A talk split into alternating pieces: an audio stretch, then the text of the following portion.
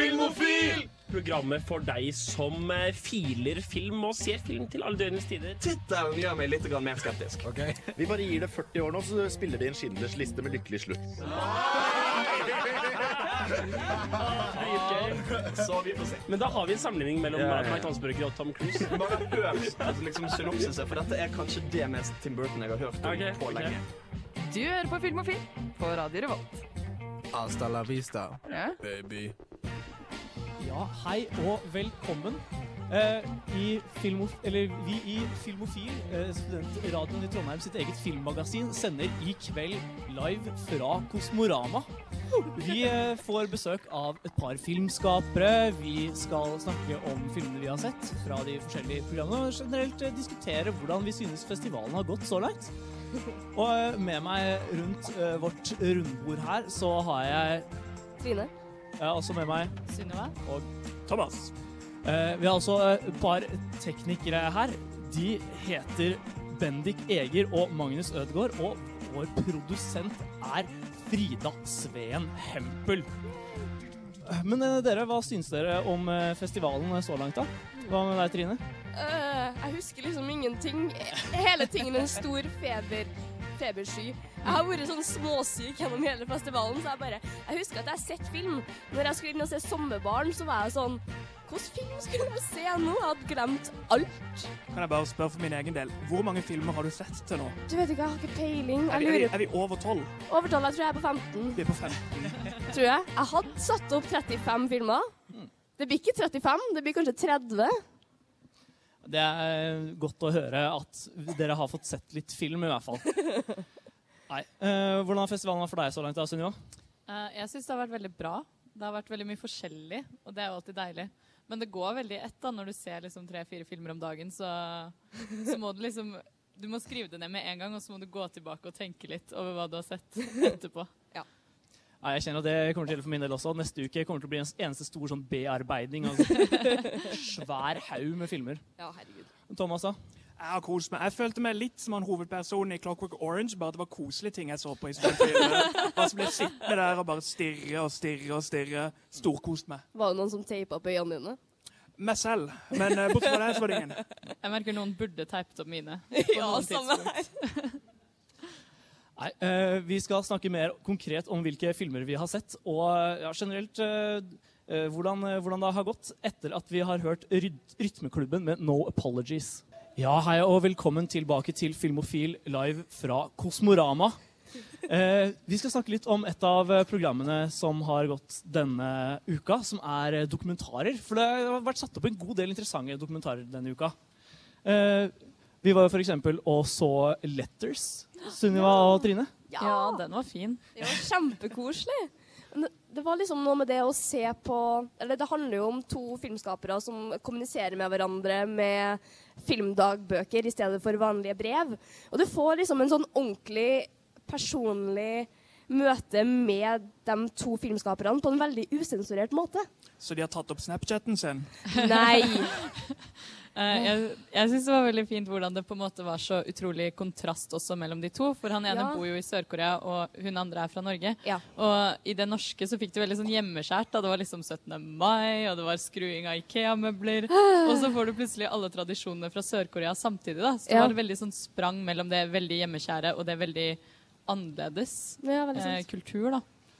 Det var rett og slett en veldig skjønn film. Særlig de scenene med barna Ja. med hun oh. norske og barna hennes var eh, utrolig sjarmerende. Det var kjempekoselig.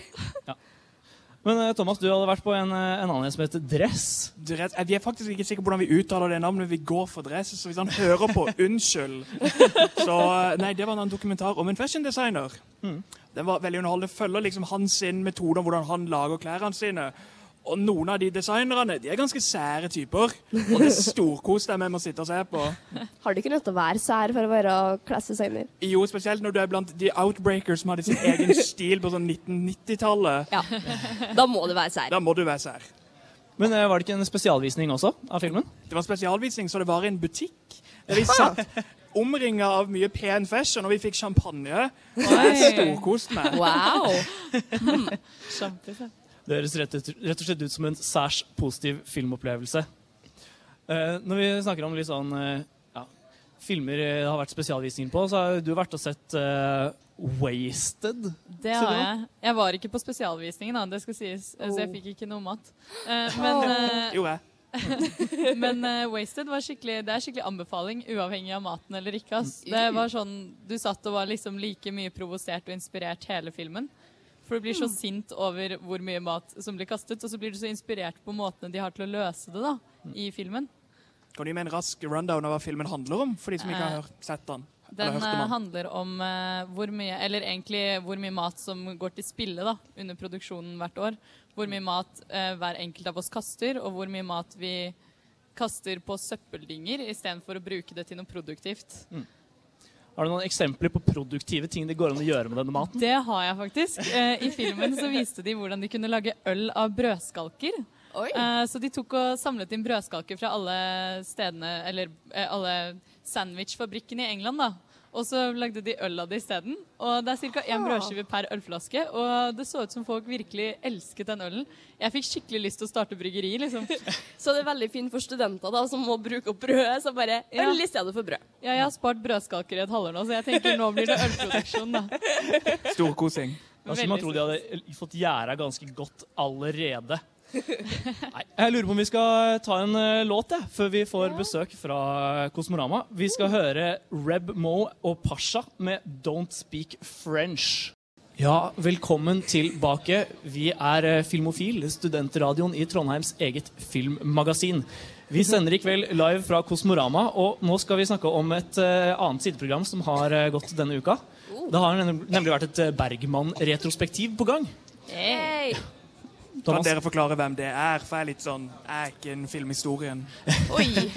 det er oi, kontroversielle påstander her. Eh, det er, Ingmar Bergman er jo kanskje eh, Skandinavias mest kjente filmskaper gjennom tidene. Eh, Ja. Han er stor på, eh, på en måte det gryende arthouse-markedet på 50-60-tallet. Mm. Og står igjen som en av liksom, historiens viktigste filmskapere. Um, men vi har i hvert fall sett et par filmer av han eh, til nå. Ja. Vi har har sett eh, eh, Tystnad og Tystnaden og Høstsonaten. ja. Vi kan jo begynne med Tystnaden, da, kanskje. Hva, Vi kan syn- jo det. hva syns du om den, Sunniva? Uh, altså, det var, det var litt treg å komme i gang med, syns jeg. Men når den først kom i gang, så likte jeg den veldig godt, da. Eh, det var kanskje en av de hvor jeg burde vært litt mer forberedt. Ja, for det er noe med at den tar navnet Tystnaden veldig på alvor. Den gjør det. Den er, eh, den er temmelig tyst. Mye stillhet. Mye en gutt som vandrer rundt alene på et hotell. Oi. Men jeg vet ikke om den, den ble på en måte et fullendt verk på et vis. Selv om jeg ikke helt vet om jeg likte det den gjorde. Mer eller mindre stillhet enn det som er i uh, Space Odyssey. Jeg, jeg vil kanskje si eh, sammenlignbart. Altså Det er ikke like stille i de stilleste scenene. Men det er totalt sett like mye liksom, fravær av mye lyd. Ja. Men, eh, men den er, den er helt klart et sånn fascinerende verk. Jeg vet ikke om det er en av mine favoritt-Bergman-filmer, men eh, ja, jeg tror jeg må se den igjen for å liksom virkelig kunne vurdere om den er bra eller ikke. Jeg er enig. Jeg vil gjerne se den igjen eh, hvor jeg er litt mer forberedt sånn mentalt på at nå skal jeg se 'Tystnaden'.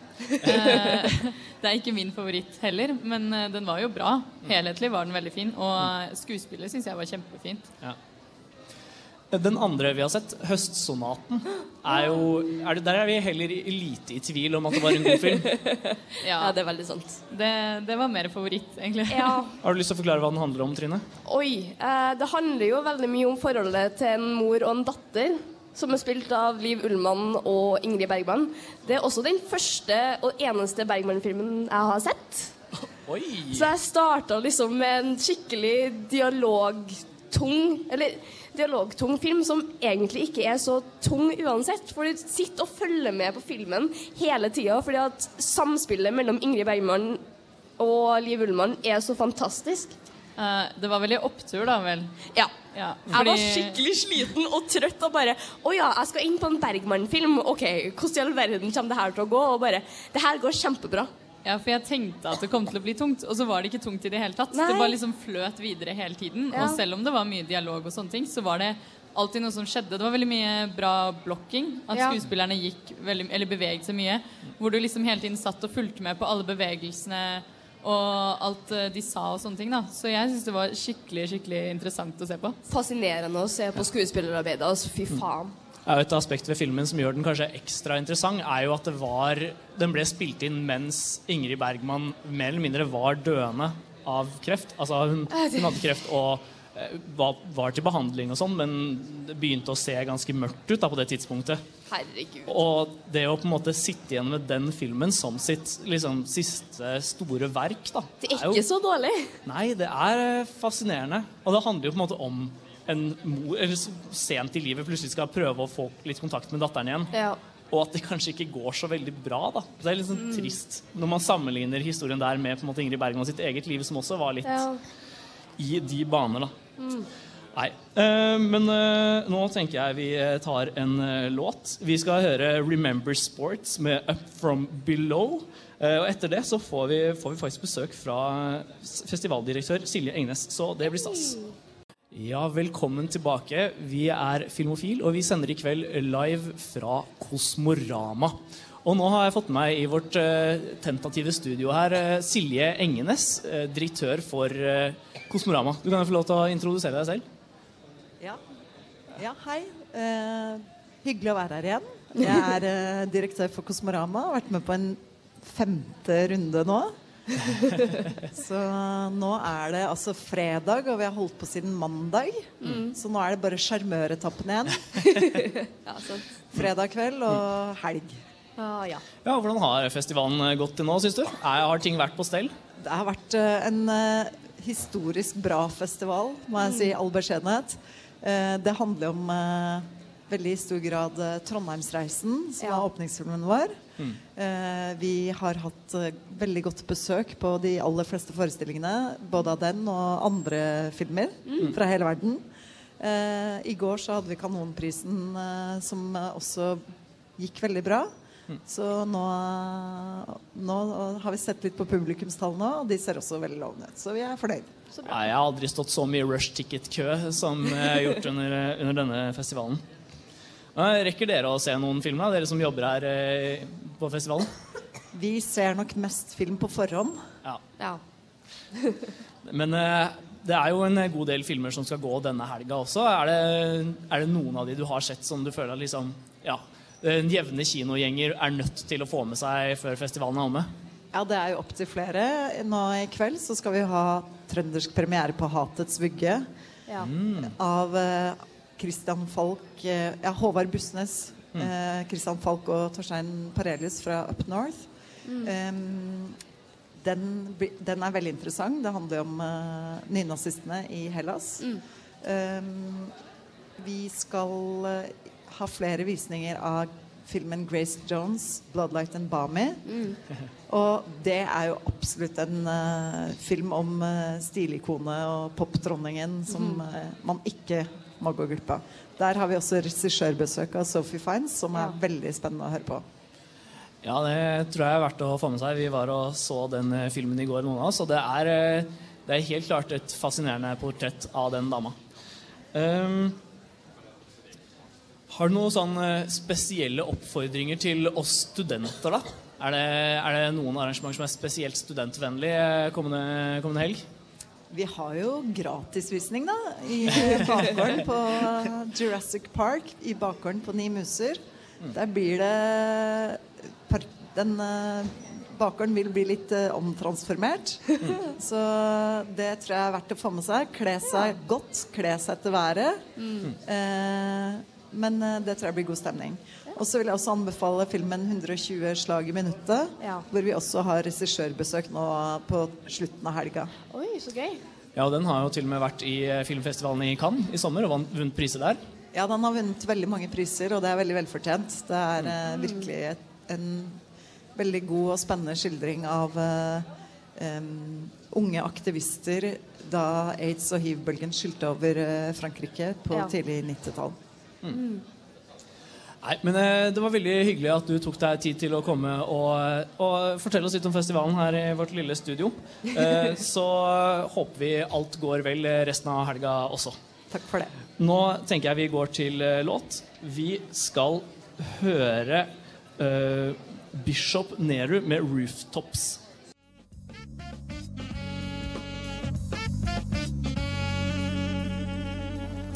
Ja, velkommen tilbake til Filmofil live fra Kosmorama.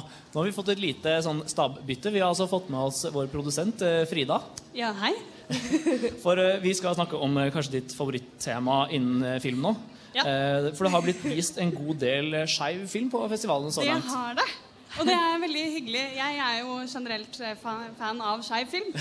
Eh, blir mest rørt av de. Og det har vært utrolig mye bra her. Eh, det ble jo nevnt Grace Jones, eh, som man absolutt kan basically ta med inn i skeiv film. Mm. Men eh, jeg vil egentlig starte med å nevne en film eh, du og jeg så i går, August. Ja. Som var The Marriage. Yes. Um, Det er Et veldig tidlig eksempel på film fra Kosovo. Mm. Ikke, et, eh, ikke en eh, kjent filmnasjon enda. Nei. Men eh, hvis, eh, hvis de fortsetter å levere film på det nivået, så kommer jeg til å se det videre. Ja, Altså. for det var ganske fantastisk. Jeg kan jo bare si at eh, Det er veldig spesielt med en film som handler om forhold, men som bygger hele dynamikken på suspens. For vi satt i hvert, hver eneste scene med sånn Nei, nei! Å, dette orker jeg ikke! Bare fordi det var så Du lurte så veldig på om de skulle finne ut av det. For denne filmen handler da om en mann og hans forlovede som får besøk av hans tidligere kjæreste, som er en mann. Eh, og så er det egentlig bare drama skjer. Og Det var høres jo drama ut. Ja, ja, selvfølgelig. Men de, det var veldig, den var ganske morsom. Så det ble aldri sånn der melodramatisk. De ga karakterene så mye humor, egentlig. Og det, var liksom en historie om kun likende personer som bare ikke kunne ende opp med hverandre. Eh, det, var, det, var ganske, det var ganske trist, Det var ganske nydelig. ja, Og veldig, veldig spennende.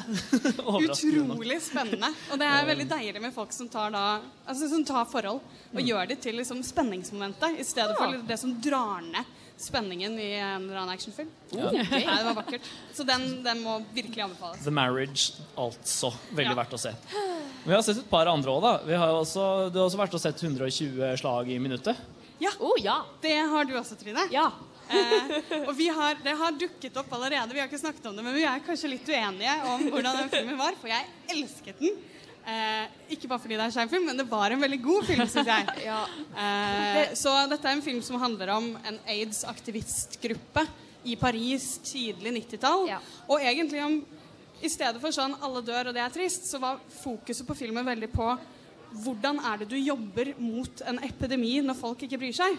Ja. Og de tok hovedsakelig liksom, indre stridigheter i det aktivistmiljøet som det som drev filmen framover. Ja, det er veldig sant.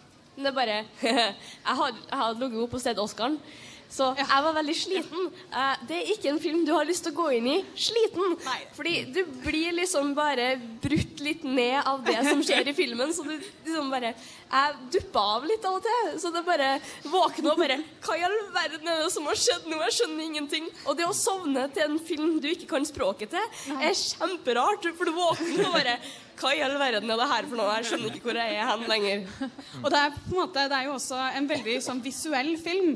Så Ja. hvis du mister et øyeblikk, så er det borte. Det er ikke sånn at uh, de har noe sånn Ja, og det som skjedde i stad, som vi må snakke litt mer om. Du får egentlig aldri noe særlig bakgrunnsinfo om Det er liksom noen punkter i løpet av filmen hvor du får høre om livene til karakterene. Ja. Men hovedsakelig så blir du kjent med dem gjennom å bare rett og slett se på dem. Eh, så da kan du ikke sove. Det er viktig. Nei, det går ikke.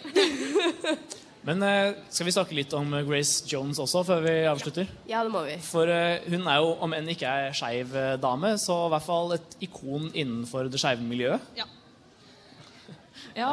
Og det, jeg, jeg tror nok Vi er jo da kanskje ble litt overveldet, vil jeg jo kanskje si var sånn jeg vil oppsummere Ja.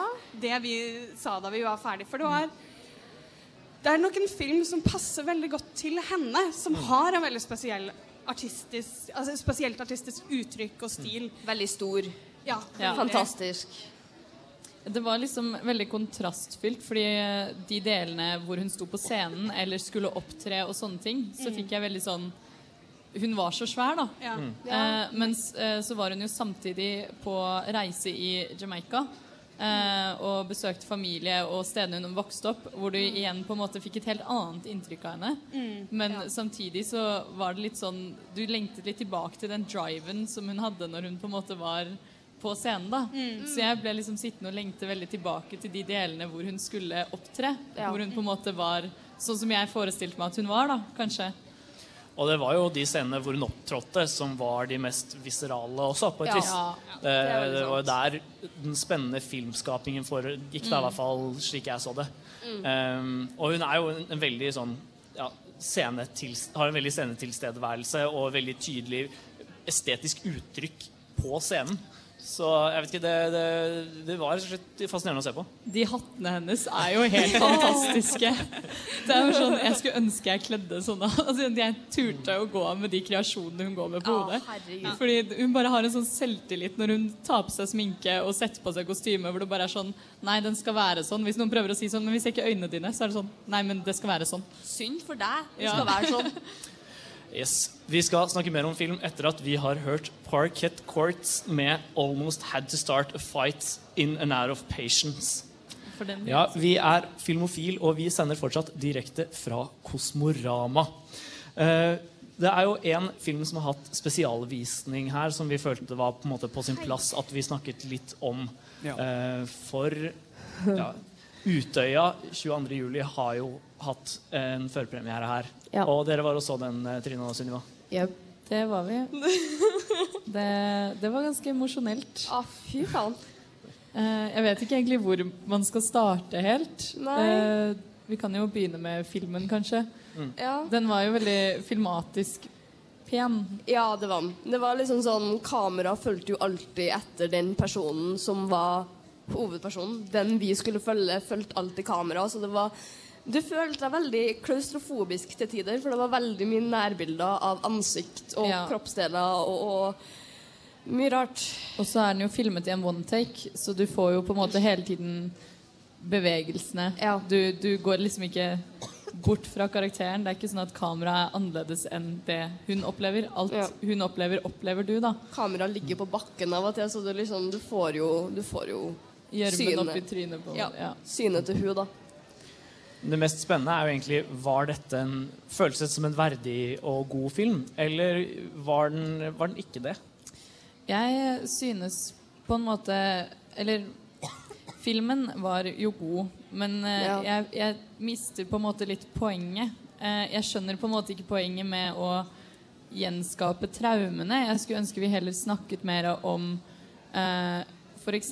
hvis man skulle lagd en Utøya-film, lagde en om ekstremisme, da, eksempel. Ja. Eller hvordan vi kunne unngått at noe lignende skjedde igjen. Eller på en måte så mer av instansene rundt 22. juli, istedenfor å på en måte bare sette folk i en sal og la de oppleve traumer, da, Ja. på en måte. Fordi Erik Poppe var jo der, han som har regissert filmen, og han sa jo det at han følte at fokuset på 22. juli ble liksom tatt vekk fra det som skjedde på Utøya, til gjerningsmannen.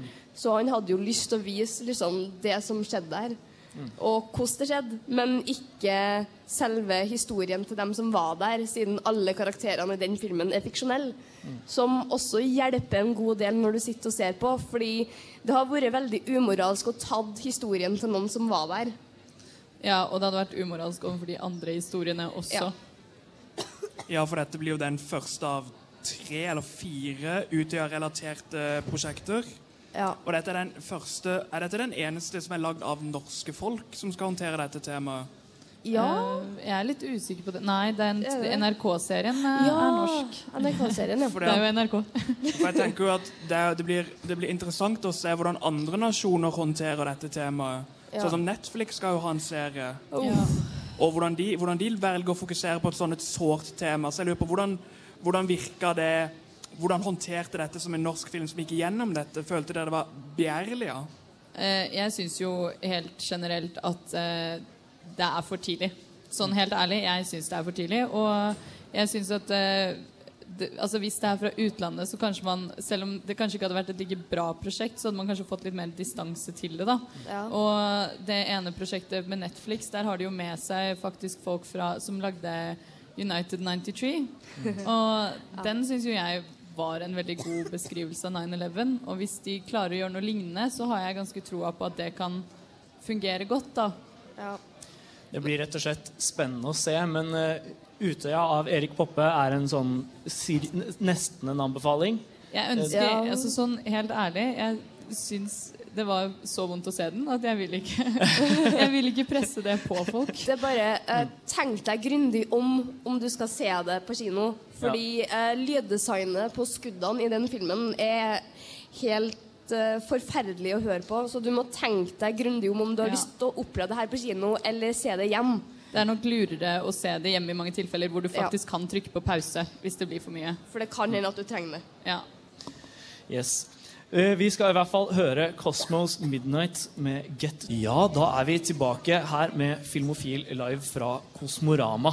Og nå har vi fått eh, finfint besøk. Vi har nemlig fått innom eh, Magnus Skatevold, og regissøren bak Trondheimsreisen. Ja, Velkommen skal du være. Takk for det. Veldig hyggelig å bli invitert. Fint studio, tror jeg. ja, takk, takk. Um, kan du fortelle oss litt om hva på en måte, Trondheimsreisen går ut på? Trondheimsreisen, kort fortalt, er jo reise fra uh, Reise gjennom hele det forrige århundret. Mm. Uh, og vise egentlig moderniteten til, eh, til byen. Fortalt gjennom historier fra som er my eh, Vi får se historien litt gjennom mer personlige øyne, da. Enn bare sånn rent historisk oppramsing av hva som har skjedd. Ja, for det filmen gjør, er jo egentlig bare å kombinere arkivfoto fra Trondheim by med ja, mennesker som forteller historiene sine fra byen. Mm. Men eh, så, så hvordan var liksom prosessen med å, med å lage filmen? Det har vært en veldig spesiell prosess for at alle eh, alle delene har vært med å påvirke hverandre. Mm. Eh, vi hadde jo en, eh, en god del arkivmateriell sånn eh, fra liksom før vi hadde egentlig tenkt noe rundt hva, hvordan formen på filmen skulle være. Så det var jo med å liksom påvirke. Ok, vi, må, vi er på jakt etter dem og dem type historiene. Mm. Men eh, egentlig så begynte prosessen sånn virkelig når jeg begynte å gjøre intervjuer med forskjellige trondhjemmere. Eh, og egentlig deres liv klarte liksom å forme narrativet i filmen. Eh, Hvordan fikk du egentlig ideen til å gjøre det prosjektet her? Det, ideen var jo egentlig en eh, kar som heter Dag Hoel, en produsent, som hadde snakka med kinoen her, eh, Trondheim kino, eh, om å få utløst noe gjennom det rikfoldige filmmaterialet de hadde. De hadde masse 35 mm-ruller som lå bare og venta på å bli eh, brukt til noe opp på loftet her. da. Det er jo et veldig fornuftig sted å begynne. Eh, men så Hvordan var det dere valgte ut folk som skulle prate om, på filmen? Og, og hvordan, fant dere film, eller hvilke, hvordan gikk dere fram for å velge filmklippene? For jo, dere må ha lett gjennom mye materiale for å komme opp med det dere endte med i filmen. Ja. Eh, personene valgte vi jo litt Det var veldig viktig for meg at det ikke var bare, sånn, bare kjendiser, kjente stemmer. Men at det også var ekte trondhjemmere som jeg enten kjente eller ble kjent med gjennom research. Som hadde bare interessante historier å fortelle. da. Eh, og så etter hvert så fikk vi jo inn eh, ganske, sånn, rundt 50 timer med 8 og 16 mm film fra trondhjemmere sjøl. Eh, som hadde ligget på loft og kjellere og, så, og aldri blitt sett av andre enn kanskje familien for 50 år siden. Så det var jo med å forme eh, Det er jo egentlig det som er sjelen, merker jeg i filmen. Ja, liksom Historien til den, den jevne trondhjemmer. Ja. Mm. Ja, for, øh, men øh, men øh, hvordan var liksom Dere har jo fått noen ganske store navn her. Hvordan øh, var det å jobbe med f.eks. Liv Ullmann? da? Det var, vel, det var en stor ære. Vi ble invitert ned på feriehuset hennes utafor Sandefjord. Oi. Så da fikk vi liksom en dag med liv, da.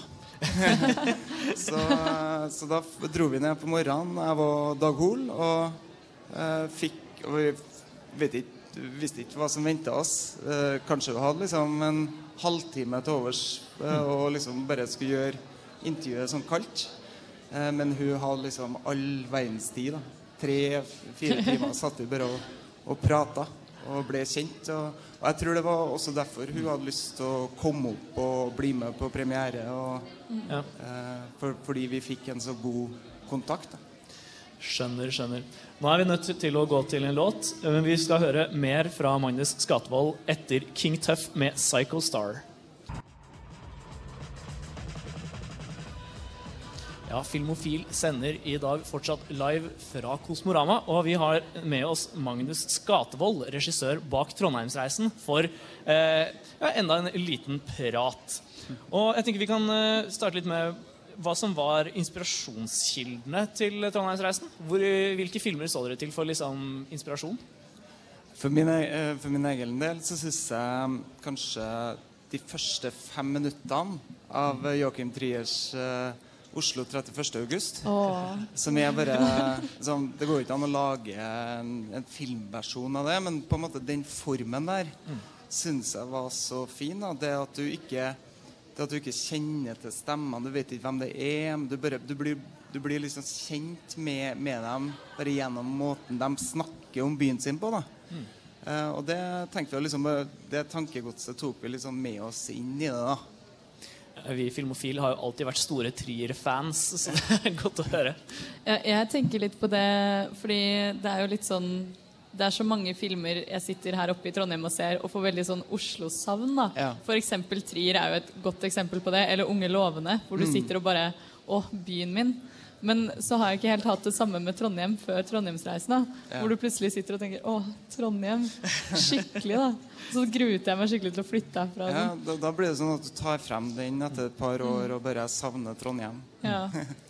Ja, og Særlig de, aspektene, eller de delene av filmen som handler om studielivet, traff jo oss litt sånn spesielt eh, nærme hjertet. For det er jo en god del klipp fra Samfunnet og gamle NTH og lignende. Mm. Nå, den tidligste er jo fra åpninga i 19, eh, 1910. Så, og Studentersamfunnet sitt arkiv har vært utrolig viktig gjennom hele. For at det, det arkivet strekker jo seg tilbake til 20-tallet Mm. og opp til 80-tallet. Så det bruker vi gjennom hele filmen. Ja, det var eh, utrolig mange av de scenene hvor jeg som nåværende student satt sånn og tenkte ah shit, det, det, ting har jo ikke endra seg Nei, noe. Det- Vi gifter oss kanskje ikke så mye som i studietiden som før. Men veld, ja, det er veldig mange av de tingene de snakker om, sånn som han Truls Gjestland, som uh, er en sånn skikkelig samfunnet-patriot. Eh, han, det han snakker om som skjer på 60-tallet, er jo akkurat det samme som i dag. Så jeg håper jo at uh, folk kan kjenne seg igjen i det. Men vi er jo nødt til å snakke litt om hvor stor suksess denne filmen har blitt sånn på tampen. For det har jo vært utsolgte forestillinger hver dag, ser det ut til. Eh, Det virker som alle i Trondheim kommer for å se denne.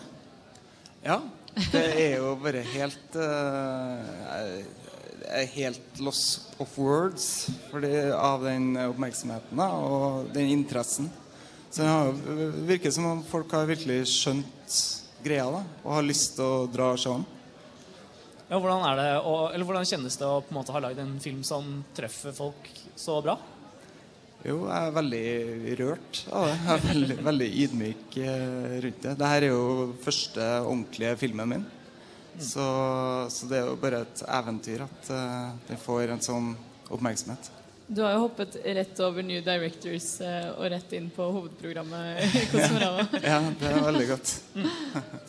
Men uh, tusen takk for at uh, du tok deg tida til å prate med oss. Nå skal du få lov til å skynde deg og prate på en av visningene av filmen. Ja, takk for det. Så eh, skal vi høre en låt før vi får mer besøk. Vi skal høre Sergeant Louis J. Warner med 'Aura'. Yes, Filmofil snakker fortsatt live fra Kosmorama her i kveld. Og nå har vi fått med oss en eh, ny gjest i vårt eh, litt sånn improviserte studio. For vi står her med Håvard Bustnes. Du kan jo få introdusere deg selv litt. Ja, jeg heter Håvard Bustnes. Jeg er filmskaper, trønder, selv om det ikke høres sånn ut. Med litt nordlandsaksent. Mm. Ja, for du er aktuell her med 'Hatets vugge', som har premiere i kveld. Åssen eh, åssen føles det å skulle vise fram filmen for første gang i Norge? Det er ikke første gang i Norge. Er, er ikke? Nei, unnskyld, da er dessverre. Nei, men det er første gang i Trondheim. Første gang i Trondheim. Jeg viste den Første gang på hjemmebane, på en måte. På hjemmebane. Mm. Jeg, jeg viste den i i, Oslo i går og i forgårs. Mm. Jeg og hadde en visning i Tromsø på Tromsø filmfestival i januar. Men fantastisk å være her. Og jeg grugleder meg. Det er veldig spennende å vise filmen til, til dem jeg kjenner her i Trondheim. Skjønner, skjønner. Hvordan var det du kom på navnet 'Hatets vugge'? Er det det jeg tror det er? Hva tror du, tror du det, er? Jeg, jeg tenker jo på det kjente begrepet 'demokratiets vugge'. Bingo. Det er derfor du har fått det, liksom. For det er jo, det er jo Grek Hellas det skjer, hele den her. Det er jo det. Så det her er jo en film som foregår i Hellas. Det handler om et norsk filmteam, dvs. Si oss, som reiser til Hellas for å forstå hva er det som har skjedd i, ferieparadiset vårt. Altså Hellas, som vi forbinder med hvite sandstrender og Ozo og, og hyggelige grekere. Så når, jeg starta dette prosjektet i 2013, så fikk jeg da plutselig høre at ferieparadiset mitt var blitt eh, infiltrert av et nynazistisk parti. Eh, 400 000 mennesker hadde stemt på Gyllent daggry, og jeg ble så sjokkert at jeg tenkte at dette må jeg finne ut mer av. Så først hadde jeg en idé om å lage en film om barneoppdragelse. Det var det som var liksom utgangspunktet. Ja, jeg hadde lyst til å lage en film om barneoppdragelse. Hvordan barn blir oppdratt i et uh, nynazistisk parti. Men hvordan var det dette ble liksom vridd over til å handle om kvinnene i, i uh, gyllent daggry? Ja. For å hoppe ett skritt tilbake, da, så var det sånn at uh, produsent Christian Falk hadde laga en dokumentar om black metal. Eh, og I den filmen så var av, en av hovedpersonene var bassist i et black metal-band, gresk black metal-band. Og han var også parlamentsmedlem i Gyllent daggry. Så jeg tenkte at når vi først hadde den tilgangen da, til det her partiet som er kjent for å være lukka, for å være voldelig mot journalister, så tenkte jeg at det her er så viktig at jeg må lage en større film om det. For Jeg merker jo, jeg har sett traileren, og de er jo ganske sånn aggressive mot dere, virker det som. Ja, det er et parti de er kjent for, og, og de har banka journalister. De er voldelige mot innvandrere. Eh, Nå er de også anklaga for å ha drept en rappartist. Så det her er, det er ganske heftig. Så vi, vi, ble advart, rett og slett. Vi fikk beskjed om at det her kan være farlig. Mm. Og jeg prøvde å få med en gresk foto, filmfotograf med på teamet, men det var ingen som turte å være med.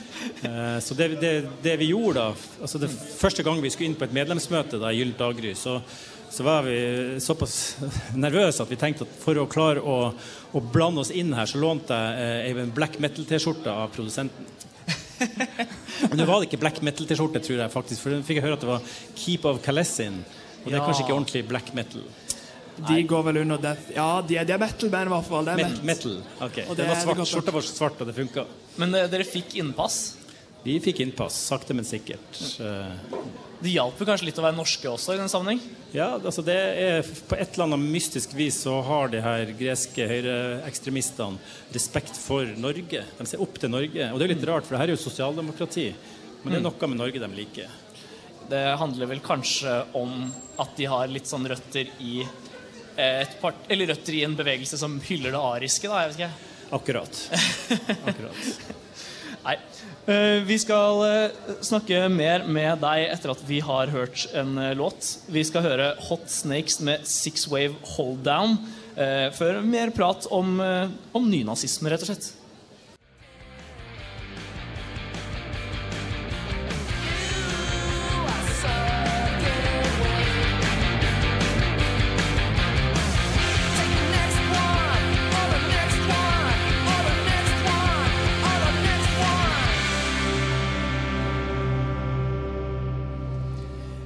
Filmofil står her fortsatt med regissør Håvard Bustnes bak 'Hatets vugge'. Eh, hvordan tror du Eller føler dere dere kommer fram til noe nærmere svar i filmen på hvordan dette hatet oppstår i Hellas for tida? Jeg håper det. Jeg håper at du får en større forståelse for det. Altså det, altså, det er vanskelig å forklare, men det handler veldig mye om, om frykt. Mm. Og det handler veldig mye om hat. Enkelt og greit. Og det er jo litt det som ligger i tittelen. Mm. Mm. For liksom, hvor, hvor, tett opp mot, mot nynazisme er dette partiet? Altså, det her er et av de mest ekstreme høyrenasjonalistiske høyre partiene i Europa. Altså, det er et mm. parti som eh, Det fins videoklipp av at de gjør nazihilsen. Sønnen til den ene hovedpersonen han har en sånn tatovering der det står 'Sieg Heil'. Eh, mm. Så det her er CNN, store nyhetsmedier, kaller dem for nynazister, og det er dem. Men de benekter, de benekter det sjøl, da. Ja. ja. De hadde vel den, den fine omformuleringen ja, Nynazisme, det er bare nasjonalisme. Ja, det, de sier at nynazisme det er noe som skjedde i Tyskland. Vi er Ja. greske nynazister, sier de. Mm. Nei, det er greske nasjonalister. Mm. Ja, selvfølgelig. Det er jo noe helt annet. Hvor lang tid tok det å få innpass med denne gruppa? Så vi, vi har laga denne filmen i en periode på, på fire år. Så, så det som skjedde da når vi satte i gang det prosjektet, og jeg tenkte jeg skulle lage en film om barneoppdragelse, det var at uh, plutselig så ble eh, alle parlaments... Altså, Gyllent daggry var på dette tidspunktet det, det femte største partiet i Hellas. Det var 400 000 som hadde stemt på dem. Uh, så når vi satte vi i gang prosjektet, og så plutselig en dag så ble alle mennene i Gyllent daggry lederne i Gyllent daggry da, arrestert. Parlamentsmedlemmene ble anklaga for å lede en kriminell organisasjon. Og da bestemte vi oss for å lage en film der vi følger damene, altså dattera til sjefen, kona til et parlamentsmedlem og mora til et annet parlamentsmedlem. Så vi var plutselig midt i et personlig og et stort politisk drama. Så det ble nesten et slags sånn feministstykke i tillegg. Ja. På sitt eget skrudde vis. Absolutt. Føler du at, det var, at de var rett dømt, eller var dette mer sånn for å få bukt med partiet? Tenker du på den rettssaken? I rettssaken, ja. Altså det, det, her, det, er, et- det er et parti som har helt tydelig har, har hatt voldelige aksjoner mot innvandrere. Det som skjedde da, var også at en rappartist ble drept. Pavlos Syssas ble, ble drept. Så den arrestasjonen var et resultat av det. Ja, nei, Det er rett og slett en eh, film jeg gleder meg veldig til å se. Dere har jo fått vist den på en del eh, store festivaler allerede. Eh, både vært i Amsterdam og København og, og Göteborg, vel. Mm. Eh, hvordan har filmen blitt mottatt til nå? Vi har fått, uh, hatt en ekstremt god mottakelse av filmen. Filmen har så langt blitt plukka ut til 30 filmfestivaler, flere av de største filmfestivalene i verden. Så, så mottakelsen har vært helt fantastisk. Ja. Åssen, eh, hvordan føles det som filmskaper når liksom, mottakelsen blir så god? Altså, når jeg, når jeg var i sluttfasen av prosjektet, så var jeg ganske nervøs. rett og slett. Fordi det jeg har laga en del filmer, men dette er den desidert vanskeligste filmen jeg har laga. Jeg var livredd for å være et mikrofonstativ for, for de her uh, høyreekstremistene. Uh, men etter visninga så føler jeg meg trygg på at uh, vi kom, havna på riktig side. Tusen takk for at du kom på besøk til oss her i Filmofil. i hvert fall. Tusen hjertelig takk.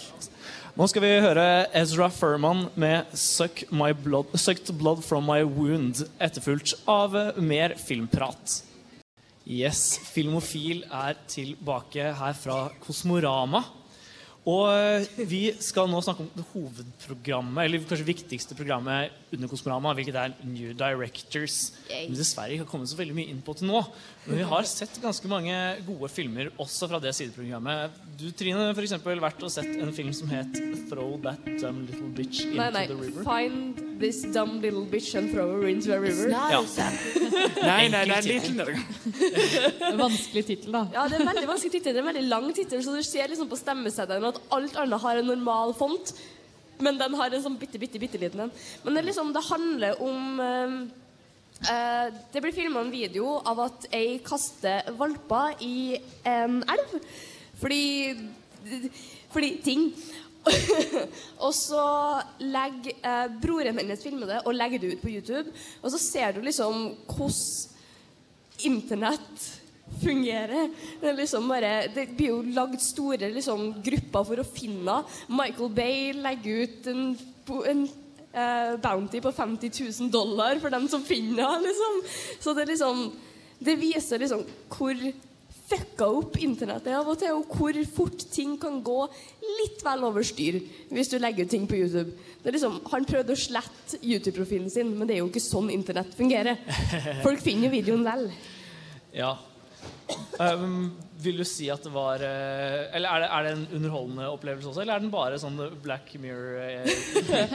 Nei, den er veldig underholdende. Den er kjempemorsom. Den var overraskende gøy. Jeg hadde liksom kjempegøy. Og regissøren legger ikke skylda på verken søstera eller broren eller faren som de har et veldig komplisert forhold til, eller dem som leter etter henne. Det liksom, skylden er på alle, og ikke bare på én person.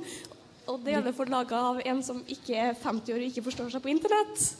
Så det er litt sånn uh, Free Billboards-feel, da. Ja, litt sånn. Det er jo positivt. Eh, Thomas, du har også sett eh, filmer fra New Directors-programmet. Det har jeg. Og eh, når jeg gikk på denne, så trodde jeg det var en dokumentar. Men Det var det ikke. Noe jeg fant ut som ca. et halvt minutt inn i The Cake Maker. Som da er en eh, Jeg vet ikke om jeg skal kalle det en kjærlighetshistorie, men, men den følger kjærlighetshistorie-veien om en kakemaker og hans sin elsker, og hva som skjer når eh, sånne forhold blir eh, brutt og ødelagt. Og veldig, veldig spennende ny stil eh, å filme. Var det en eh, god film, da? Jeg synes det var underholdende. Det var, det var veldig morsomt, for jeg satt og venta på når kommer liksom klimakset til å skje. Når kommer denne veldig typiske damen finner ut av det, eller mannen finner ut av det, og så bare Så er det sånn 15 minutter, og så blir alle venner. Det gjorde ikke denne filmen, og det likte jeg veldig godt. Det var, Den gjorde det, men på en bedre måte. Det var ikke den derre 'vi blir uvenner', 'shit, filmen er ferdig, vi må bli venner igjen'-følelsen, liksom. Ja. For den er det veldig mange sånne romantiske filmer som er, og det satte jeg veldig pris på at han gjorde noe nytt. Ja. Jeg har også sett en litt sånn f morsom, sånn smal film i eh, dette programmet. Og jeg setter liksom pris på de der gode, gamle festivalfilmene som på en måte Du merker at det er ikke et marked for å sette opp dette på kino, men det er liksom sin egen sjarm.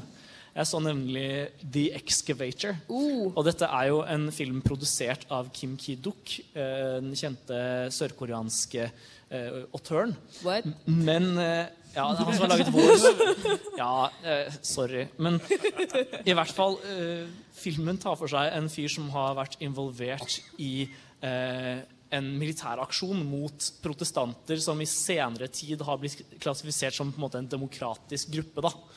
Hvordan kan han være på nye regissører og være en kjent odør? Eh, Det er eh, produsenten okay, som er kjent okay. autør. Eh, det er helt fersk regissør. Hva er det du sier? Od jeg sier odør. Hva er det du sier? Autør. Autør. Ja. Men i hvert fall Han på en måte skal finne alle sine overordnede og konfrontere dem med liksom, hvorfor sendte dere oss inn dit. Men han har ikke bil, så han kjører rundt med en gravemaskin. og hele greia blir en slags sånn ja, eh, Gravemaskina blir jo en slags sånn veldig åpenbar metafor for at han driver og graver opp i gamle ting. Å. Men det er helt herlig å se han bare kjøre rundt der og på en måte ja, Av og til har han en fyllik i, i, i, i skuffa, og liksom noen ganger har han unger i skuffa. Det er mye rart som ender opp i den skuffa i løpet av filmen. Oi, hjelp. Det er jo litt sånn morsomt, fordi det er så mange andre transportmidler som blir brukt som eh, alle mulige slags eh, symbolske ting, da, som tog eller biler eller sånne, og en vei fremover, og så er det en gravemaskin. Ja, For å grave opp i all dritten. Men det er i hvert fall eh, siste mulighet til å se den her i kveld, så jeg anbefaler alle å stikke innom hvis de får muligheten. I hvert fall, eh, Vi skal høre en låt før vi snakker litt om våre favoritter fra festivalen. Men nå skal vi høre MC Cole med 'Pictures In My Head'. Yes, eh, Nå skal vi sånn oppsummere litt det vi har snakket om. Eller ja, vi skal i hvert fall komme litt med våre festivalfavoritter. Så eh, jeg tenker vi bare kan eh, begynne med deg. eh, Sunniva, har du en favoritt? Det har jeg. Eh, min favoritt er 'Tigers Are Not Afraid', som jeg så med deg, August, på Yes. tirsdag. Det er et veldig vakkert sånn moderne eventyr, på et vis. Ja, det var det. Den handler jo om eh, en jente i en grenseby i Mexico eh, som kom hjem fra skolen en dag, og moren har blitt tatt av eh, et eh, dopkartell. Eh, og hvordan hun prøver å finne sin plass på gata og på en måte finner seg en gjeng med andre barn som har opplevd det samme. Men så har de liksom flettet inn veldig mye sånn fantasi da, fra hennes Mm. side, som blir veldig sånn barnslig kontrast til det veldig alvorlige temaet. Eller er hun hjemsøkt? Ja, det er jo også et spørsmål. Og det er jo faktisk også eh, på Guillermo del Toro sin topp 10-liste for 2017-filmer, så den anbefales skikkelig. Tror du Thomas dør, jeg. Man ser jo at Pans labyrint må ha vært en kjempestor inspirasjonskilde. Ja, Å ja, herlighet. Men vi må bare skynde oss videre. Thomas, hva var din favoritt? Min eh, favoritt festivalen? var uh, The Death of Stalin. Uh, og hvis du vil vite hvorfor jeg likte den, så kan dere gå inn på Radio Revolt og lese artikkelen jeg skrev. Å, dæven! Shameless plug-in. Det var, det var jammen effektivt uh, fortalt. Du har ikke lyst til å si et par ord her òg, om hvorfor du liker den? Ok, Jeg elsker sære filmer. Filmer som bare virker som Det, det skjer i virkeligheten, Ja. men det er skrudd sammen på en sånn måte at karakterene bare kan ikke være ekte. Og jeg elsker hvordan de har veldig mye bra dialog, veldig morsom dialog og veldig lange takes. Der humoren er ikke sånn fysisk noen faller ned en trapp. Det er mer sånn, det er en scene der de, det er en, det er en pissedam på gulvet. Og de bare jobber rundt den, og det blir en omgående joke i sånn fem minutter. Ja. Som aldri blir sagt, den bare blir spilt. Og Ja. det er kjempebra. Din favoritt da, Trine? Uh, min favoritt er vel The Workshop, som liksom handler om uh, et par ungdommer som uh, er med i et skrivekurs til en kjent eh, forfatter som skriver litt krim og sånn, så de skal skrive en krimroman. Og så er det en av de ungdommene som er litt vel eh, skrudd i hodet. Så det er liksom måten han skriver eh, krim på, og drap og massaker, blir liksom tatt opp store deler av filmen. Og det er ganske interessant å se på hvordan karakterene fungerer i den filmen, for det er veldig eh, dialogdreven film. Og den var så, den var så den var så bra. Det var så, det var så bra skrevet, så du sitter liksom og følger med hele tida. Jeg var drittrøtt. Jeg hadde sovna på de to forrige filmene. Så det er liksom Jeg bare Jeg kan ikke sove nå. Det her er altfor interessant å følge med på. Hva er det som skjer? Kommer eh, forfatteren til å dø? For du tror Du er livredd på hva han kiden kan finne på. Han er så skrudd i hodet at du sitter der og bare Henger med litt vel høyreekstreme folk og sånn. Skjønner, skjønner. Nei, eh, min favoritt trenger vi ikke gå så veldig dypt inn på nå. Det var eh, The Marriage, som vi snakket om i stikket om eh, skjev film. Så hvis du har lyst til å høre mer om det, så får du gå inn på radiorevolt.no eller podkasten vår og høre opp igjen eh, tidligere del av sendingen. Det var dessverre alt vi rakk eh, her i kveld. Vi eh, takker for alle som kom innom og så på, og selvfølgelig til alle som lyttet der ute. Jeg skal også si en stor takk til vår produsent Frida Sveen Hempel og våre teknikere Magnus Ødegaard og Bendik Eger. På vei ut skal vi høre Kali Ukis med 'After the Storm'.